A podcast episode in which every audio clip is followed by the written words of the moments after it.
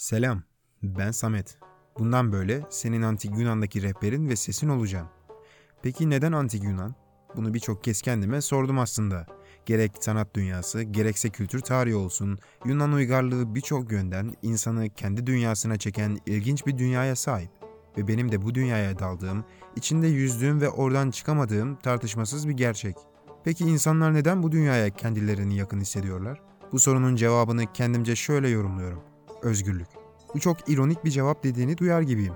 Çünkü bu sorunun cevabı niteliğindeki özgürlük tanımı bundan 2000 yıl önce var olan şehir devletlerine pek uymuyor gibi görünmekte. Öyle ki özgürlük diye tanımladığım dünyanın içinde bile özgür olmayan birçok insan bulunuyordu. Polis ismiyle tanımladığımız küçük şehir devletlerinde kölelik çok yaygındı. Ve hatta öyle ki Antik Yunan'da en ileri gelen şehir devletlerinden biri olan Sparta'nın devlete ait Helot ismiyle tanınan savaş esiri köleleri bulunmaktaydı. Durum böyleyken bu dünyayı nasıl özgürlük adı altında tanımlayabilirdim ki? O zaman gel, seninle beraber bu verdiğim cevaba biraz daha derin bir perspektiften bakalım. Düşünmenin sınırı olmayan ve hayal kurmakta sınır tanımayan antik Yunanlılar alfabelerini Fenikelilerden aldılar. Heykeltıraşlıkta ve mimarlıkta Mısır'dan etkilendiler. Ancak Yunanlar alfabelerini şiirler, oyunlar, tarih ve felsefe yazmak için kullandılar. Bu Fenikelilerin hiçbir zaman teşebbüs etmediği bir şeydi.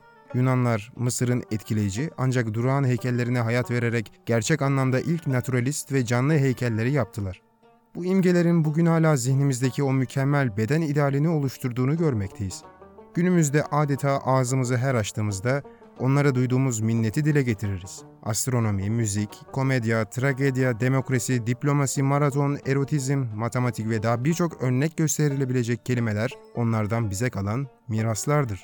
Yunanlar başta siyaset, din, fiziksel ve ruhani dünya olmak üzere her şey hakkında düşünmenin ve her şeyi sorgulamanın da öncüleridir. Evren hakkında düşünmek ve çoğu zaman isabetli olan cüretkar tahminlerde bulunmak amacıyla Babil yıldız kitaplarını kullandılar. Sisamlı Aristarkos isimli bir Yunan, dünyanın güneş etrafında döndüğünü ileri sürdü. Bu hem o dönem için hem de sonraki 2000 yıl boyunca şaşırtıcı bir fikir olarak kaldı. Dini ve siyasi otoriteye aldırmayan Yunanlar belki de insanlık tarihinin en gözü pek mucitleriydi. Antik Yunan, rakip kültürler ve kendinden sonraki çok sayıda uygarlıkla karşılaştırıldığında şaşırtıcı bir biçimde modern olarak adlandırılabilir. Modernlik ve antik Yunan arasındaki bu benzerlik yüzeysel değildir. Birçok açıdan Yunanlar modernliğin öncüsüydüler. Yunanların cüretkar sorgulamalarından modern bilim ve demokrasi doğdu. Bu ayrılmaz ikizler bugün içinde bulunduğumuz dünyayı biçimlendirmekte. Bugün çağdaş dünyanın işleyişiyle meşgul olan bir kişi, antik Yunanlar hakkında bilgi sahibi olmak durumundadır. Onlar bazı iklemlerle ilk kez 2500 yıl önce karşılaşmış ve bizi hala meşgul eden konuları tartışmışlardır. Demokrasi en iyi yönetim biçimi midir? Her yurttaşın oyu eşit mi olmalıdır? Bu geniş Yunan dünyası nihayetinde Romalıların eline düşmüştü. Romalılar M.Ö. 30'da çoğunlukla açgözlü ve zalim bir biçimde Yunan'ı fethetmişlerdi.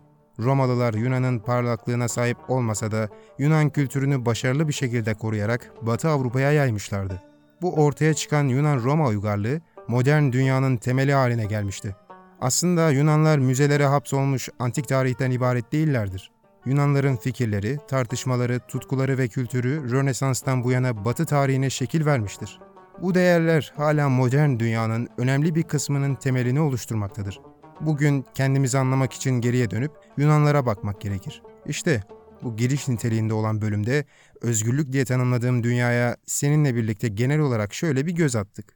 Şimdi sana soruyorum sevgili dostum. Böyle bir dünyanın içinde gezmek, dolaşmak ve tüm bunları algılayıp analiz edebilmek özgürlük müdür, değil midir? Beni dinlediğin için teşekkür ederim. Bir sonraki bölüme dek sağlıcakla kal.